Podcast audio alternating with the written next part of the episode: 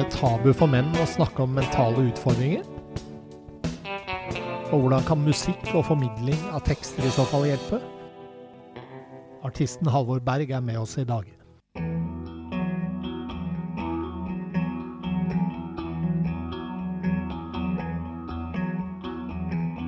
Og hva er det som er så viktig med muntlig formidling av fortellinger? Spesielt i dagens samfunn?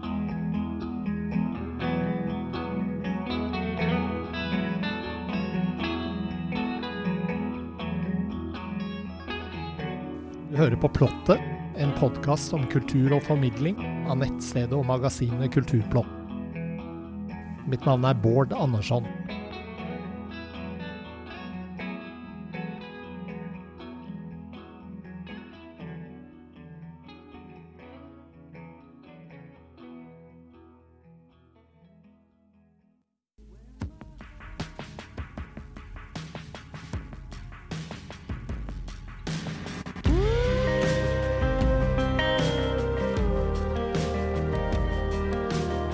Du hører noen strofer fra artisten Halvors siste album. Han er med for å snakke om betydningen av tekst og formidling. Du er ute med ditt uh, debutalbum som soloartist, uh, 'Charades and Masquerades'. Gratulerer med det. Tusen hjertelig takk. Kan du fortelle litt om hvordan albumet ble til? Ja, hvor skal jeg begynne? Det er en lang historie. Eh, men jeg, eh, jeg har spilt i rockeband i mange, mange år. Eh, og for en fire års tid siden så møtte jeg vel litt veggen. Og det var en sum av veldig mange ting. Det var hektisk tid på privaten med alt fra husbygging til mye jobbing. Og det var veldig mye jobbing med det bandet jeg spilte i den gangen, som het Porterville.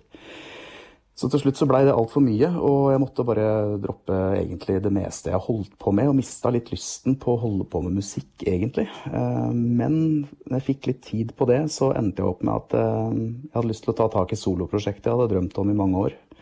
Og hadde jo plutselig ganske mange ting å skrive om, viste det seg. Eh, litt med tanke på den bråstoppen jeg hadde fått. Så det er liksom kortversjonen. Jeg ble kjent med, med, han som har produsert eh, skiva, Sven Andrén, litt på den tida. Og vi begynte å jobbe sammen i studio, og over ganske lang tid så vokste liksom Halvor-universet fram, og plata blei til. da. Og her er vi fire år seinere. Musikken din den beskrives jo som indie-pop noir, altså det er litt mørkt. Eh, men også et eh, mørkere budskap og en historie om, som du sier, å møte veggen. Så har du sagt at det er mye stigma og tabu rundt eh, mental helse, spesielt blant menn. Hva håper du å oppnå ved å være åpen gjennom musikken? Um, altså, hvis jeg skal snakke for meg sjøl, så jeg har hatt en ganske lang prosess med å liksom, tørre å lette på sløret rundt de tinga her sjøl. Og det koker vel litt ned til nettopp det stigmaet, eller det tabuet, da. At jeg tror uh, Det er jo veldig vanlig i vår tid for så vidt å snakke om mental helse, og det er uh, dessverre ganske vanlig å gå på den her berømte smellen. Eh, men jeg tror eh, hvis jeg kan bidra til at det er litt lettere for noen få å fortelle en historie og vise at det går an å, å ha det litt kjipt en periode og fordi, jeg vet ikke, For de fleste, eller i hvert fall for mange, så går det på en måte bra til slutt. da. Eh, og det er jo tilfellet for min del òg, at jeg, jeg, har kommet meg styrka gjennom prosessen. Og det er vel litt budskapet at man må liksom ta tak i de tinga som betyr noe i verden, og redefinere seg sjøl litt, kanskje. Og så tørre å snakke høyt om det etterpå. Du har valgt på um, turneen å besøke norske fengsler og samarbeide med kriminalomsorgen og Frelsesarmeen. Uh, dessverre så ble turneen uh, utsatt da, uh, av forståelige grunner. Men kan du si noe om bakgrunnen for hvorfor du gjorde dette? Det handler vel litt om å For det første så hadde jeg lyst til å gjøre noe litt annet eh, enn å liksom farte rundt og spille klubbjobber.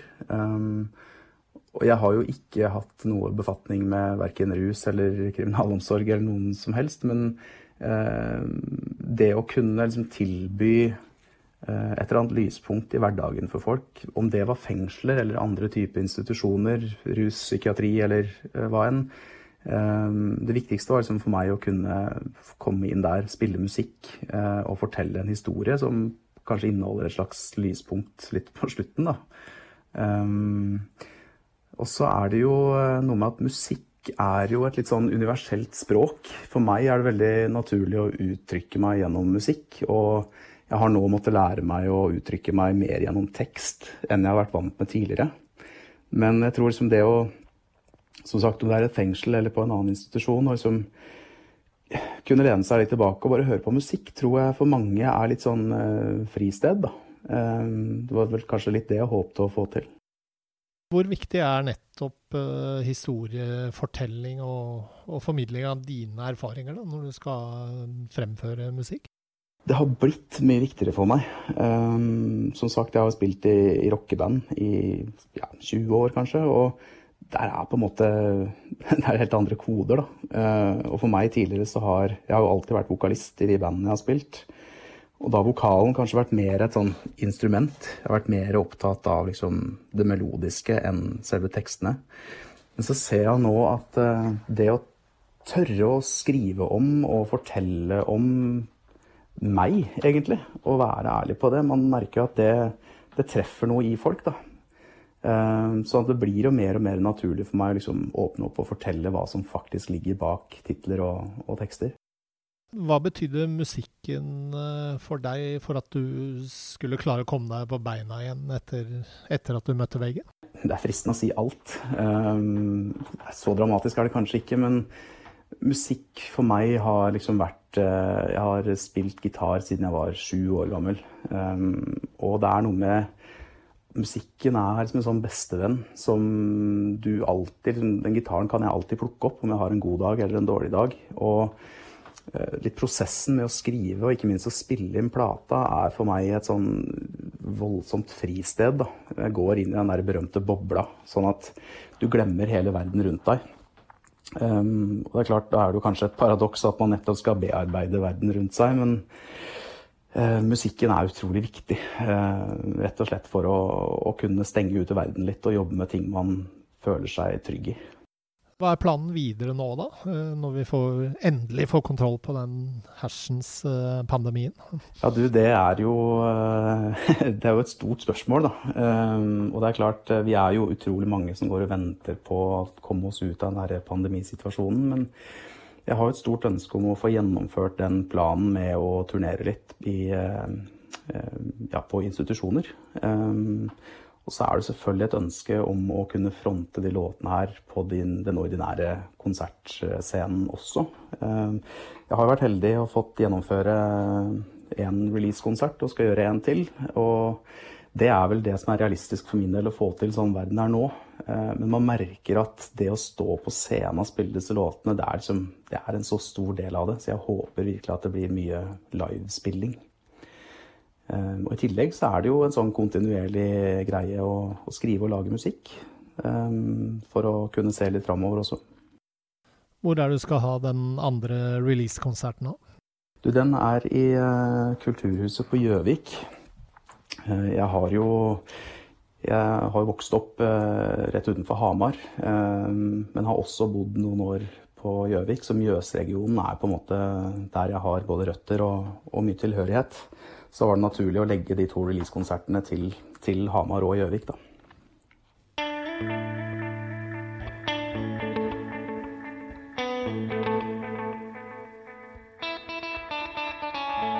Hilde Eskil utviklet faget fantastiske fortellinger da hun var lærer på folkehøgskole. Hun har reist rundt i Norden og fortalt historier, hun har gitt ut bøker om muntlig formidling. I tillegg er hun norgesmester i litteraturformidling. Når eh, var det du ble opptatt av fortellinger og fortellerkunst, og, og hvorfor? Jeg tror at jeg egentlig har vært det alltid. Fordi at jeg, eh, jeg vokste opp i en, en, veldig taletrengt familie, i hvert fall på min fars side. Der er det mye lærere og predikanter og eh, lokalpolitikere. Og et, altså, blant mine aller beste barndomsminner så er sånne enorme familieselskaper der de voksne satt og fortalte historier. Um, det elska jeg. Jeg satt bare stille som en mus uh, ved bordet og hørte på når de voksne fortalte, for de fortalte for hverandre, og det var mye sånn anekdoter.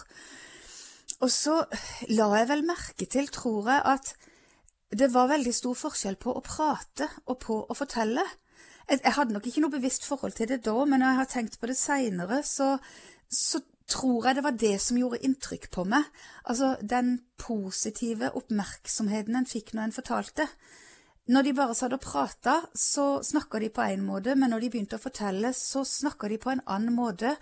Og så eh, var det òg sånn at alle de som satt rundt, lytta på en helt annen måte. Og eh, nå som voksen så tror jeg kanskje at det var det som fascinerte meg, og, og det som på en måte sådde et frø, da rundt det med muntlig fortelling. Og så etter hvert så eh, begynte jeg å jobbe på folkehøyskole, på Voss folkehøyskole, og der, på folkehøyskolen så er jo det levende ord i sentrum, så der ble jeg mye utfordra på å formidle. Um, og så kom jeg i kontakt med min gode venn Benedicte Hambro, som er forteller. Og hun inspirerte meg da til å begynne med det å fortelle. Og så eh, begynte å prøve det ut blant elevene, og fant ut at dette, dette er noe for meg. Dette trives jeg veldig godt med. Hvor eh, viktig er muntlig formidling i 2020? Ja, vet du, det har jeg tenkt en del på. For fortelling er jo så utrolig viktig. Den Eh, vi forholder oss til, jo til fortellinger hele tida, men, men, via spill og TV og, og, bøker. Og hvor er den muntlige fortelleren oppi dette? Det, det, er sånn som jeg stadig funderer på. Men jeg, altså, jeg jobber litt som lærer eh, i ungdomsskolen, og der er iallfall den muntlige fortelling utrolig viktig å ha med seg inn. Eh, der har jeg opplevd at elever har sagt at noen lærere forteller, mens andre bare prater. Og det er stor forskjell på det. Eh, det har jeg fått høre noen ganger av elever. Og jeg tror òg at ute i samfunnet så er det Det er utrolig viktig. Fordi at vi hele tida nå blir så utsatt for ytre bilder på alle bauger og kanter. Mens den muntlige fortelling oppmuntrer folk til å på en måte lage sin egen indre film, altså oppmuntrer de indre bildene, som er en helt annen kreativ prosess, og som jeg tror er bra for oss. Eh, og òg i en verden med veldig mye teknologi, så er det viktig med andre mennesker som rett og slett ser det inn i blikket og har noe på hjertet. Så der tror jeg at uh, den muntlige fortelling har et enormt viktig bidrag i det medmenneskelige. Du har utviklet eh, et fortellerfag som heter eh, Fantastiske fortellinger. Eh, hva går det ut på? Ja, altså det var jo når jeg jobba på folkehøyskolen. Så det var egentlig Det faget Fantastiske fortellinger var eh, begynnelsen på et, på et, fag, men òg egentlig en, en viktig begynnelse for meg som forteller. Eh, det er jo ikke noe fag jeg underviser i lenger, for nå er jeg jo ikke lenger på folkehøyskolen. Men fantastiske fortellinger var denne ideen om at fortellingene er egentlig overalt. Eh, det gjelder bare å, å gripe de ved å være oppmerksom, ved å lytte og ved å bruke fantasien. Så eh, det, det faget handla om det, og om å eh, på en måte se på hverdagen vår gjennom fortellingens øyne, da. Og òg oppleve forskjellige typer fortellinger. Hva er viktigst for deg når en fortelling skal formidles på en god måte? Engasjement er viktig. Uh, at, fortell, altså, at, jeg, en, at jeg klarer å ha det rette fokuset hele veien, uten at det blir for intenst og, og masete men samtidig såpass insisterende at, at folk er med hele veien. Eh, så ønsker jeg å beskrive akkurat nok til at folk klarer å lage sine egne bilder, men ikke så mye at det fratar de muligheten til å, å lage egne bilder. Og så skal det jo være en fortelling som, som gir en opplevelse Eh, jeg er opptatt av humor, for eksempel, eh, og jeg er også opptatt av at folk kan tenke ah, Ja, men det var en fin måte å se det på, eller det var en artig måte å forklare det på. Å ja, sånn kan en òg tenke. Den derre lille aha-opplevelsen. Men, men, først og fremst at folk skal oppleve at å, dette var fint, dette likte. Kan du si litt om fortellingen du skal fremføre for oss, og om hvorfor du har valgt akkurat denne? Den fortellingen eh, er engelsk, eh, så det at det er veldig anglofil er én grunn. Men det er en fortelling som har vært med meg nesten hele tida. Helt fra jeg begynte å tenke at jeg har lyst til å bli forteller, og jeg har lyst til å begynne å finne fortellinger som jeg kan bruke til å underholde andre med. Da fant jeg denne i en bok som, av Jane Yolen som heter Stories from Around the World, som har vært Bibelen for mange muntlige fortellere i Norge. Eh, og den bare traff meg. Det var humoren her som traff meg. Eh, og så er det òg en del ting sånn, som en kjenner igjen. Altså måten en, en, tenker rundt mennesker og foreldre og barn, f.eks., og arv og miljø. Eh, så, så, men det, det, og så vet jeg ikke egentlig om så mange som har den på repertoaret sitt. Så jeg føler at den er litt min, da, selv om jeg ikke har uh, lagd den sjøl.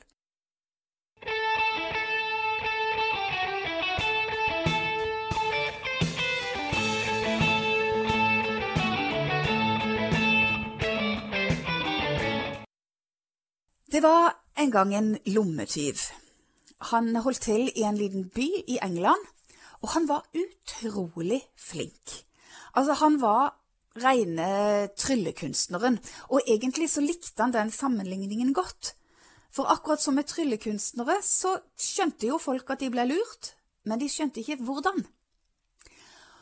Og denne lommetyven han utførte jo yrket sitt til sin egen tilfredshet, og han blei aldri tatt.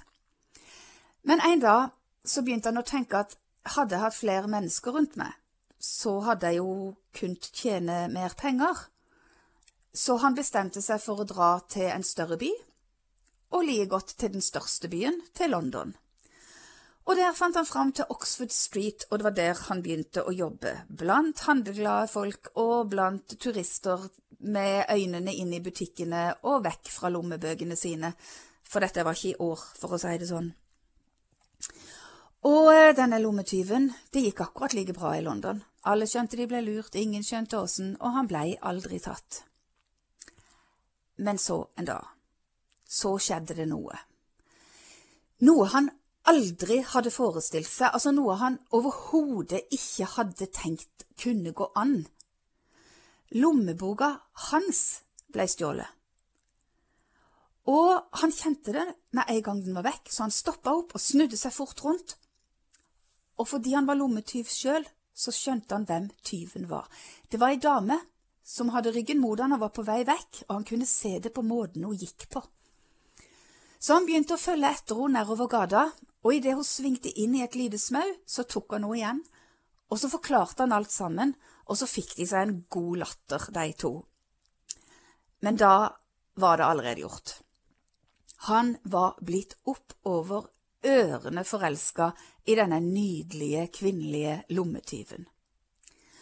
Og de to begynte å operere sammen, hun var akkurat like god som han. Alle skjønte de ble lurt, ingen skjønte hvordan, og dagene gikk, og eh, pengemengden økte. Så tenkte lommetyven en ettermiddag. Altså, jeg er Englands beste mannlige lommetyv. Og eh, hun er Englands beste kvinnelige lommetyv. Hvis vi får barn han så for seg at de skulle oppfostre en rase av verdens beste lommetyver. Og så falt han på kne og fridde, og han fikk ja. Og så gikk det sånn omtrent et år, og så fikk de en liten gutt. Men den dagen som skulle vært en gledens dag, blei en dag med forvirring og fortvilelse. For den høyre armen til den lille gutten, den virka liksom ikke. Det var noe galt med den. Høyre armen lå bare helt ubrukelig over brystet, og den lille handa var knytta hardt igjen. Og hvordan kunne han bli verdens beste lommetyv når høyrearmen ikke fungerte? De tok han med til alt de kunne komme på av leger rundt om i London, men alle sa det samme. Dette er en frisk og fin liten gutt, vær glad, nyt tida, og så kan det godt hende at dette ordner seg etter hvert, vi må se det an, vær litt tålmodige. Men nybakte foreldre er ikke tålmodige når det er noe galt med babyen. Så til slutt så tok de denne lille gutten med til den aller beste og aller dyreste barnelegen i London. Men de herre to hadde jo nok av andres penger, så det hadde de råd til. Og barnelegen la babyen ned på et bord og bare sto og betrakta han ei lita stund, og så sa han at det er jo en flott og frisk og fin gutt dere har. Ja, sa de, men se på høyrearmen hans. Ja, legen måtte innrømme at det så jo litt merkelig ut, han skjønte ikke helt det der. Så han tok den lille handa i si, og så fant han ut at han ville ta pulsen for å kjenne om det var blodgjennomstrømning og ting fungerte som det skulle, og så løsna han lommeuret sitt fra vesten, han hadde et fint lommeur i gull. Og da la han merke til at den lille babyen festa blikket på lommeuret. Og han ble ganske imponert. Han sa en så liten baby, og så fester han blikket så tydelig. Du verden.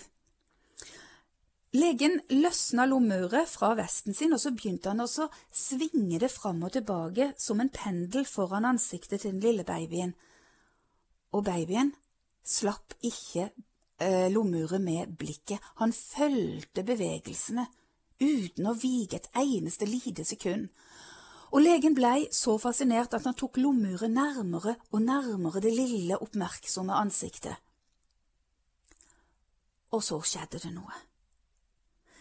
For aller første gang så strakte den lille babyen ut den bitte lille høyre armen sin. Og for aller første gang så åpna den bitte lille handa seg. Og da hørte de noe. De hørte et klirr. Og på gulvet, der så de nå at der trilla jordmoras gullring.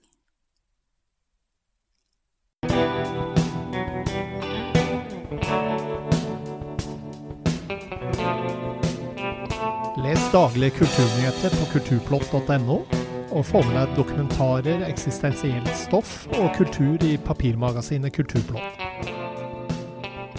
Plottet var programleder og teknisk ansvarlig Bård Andersson.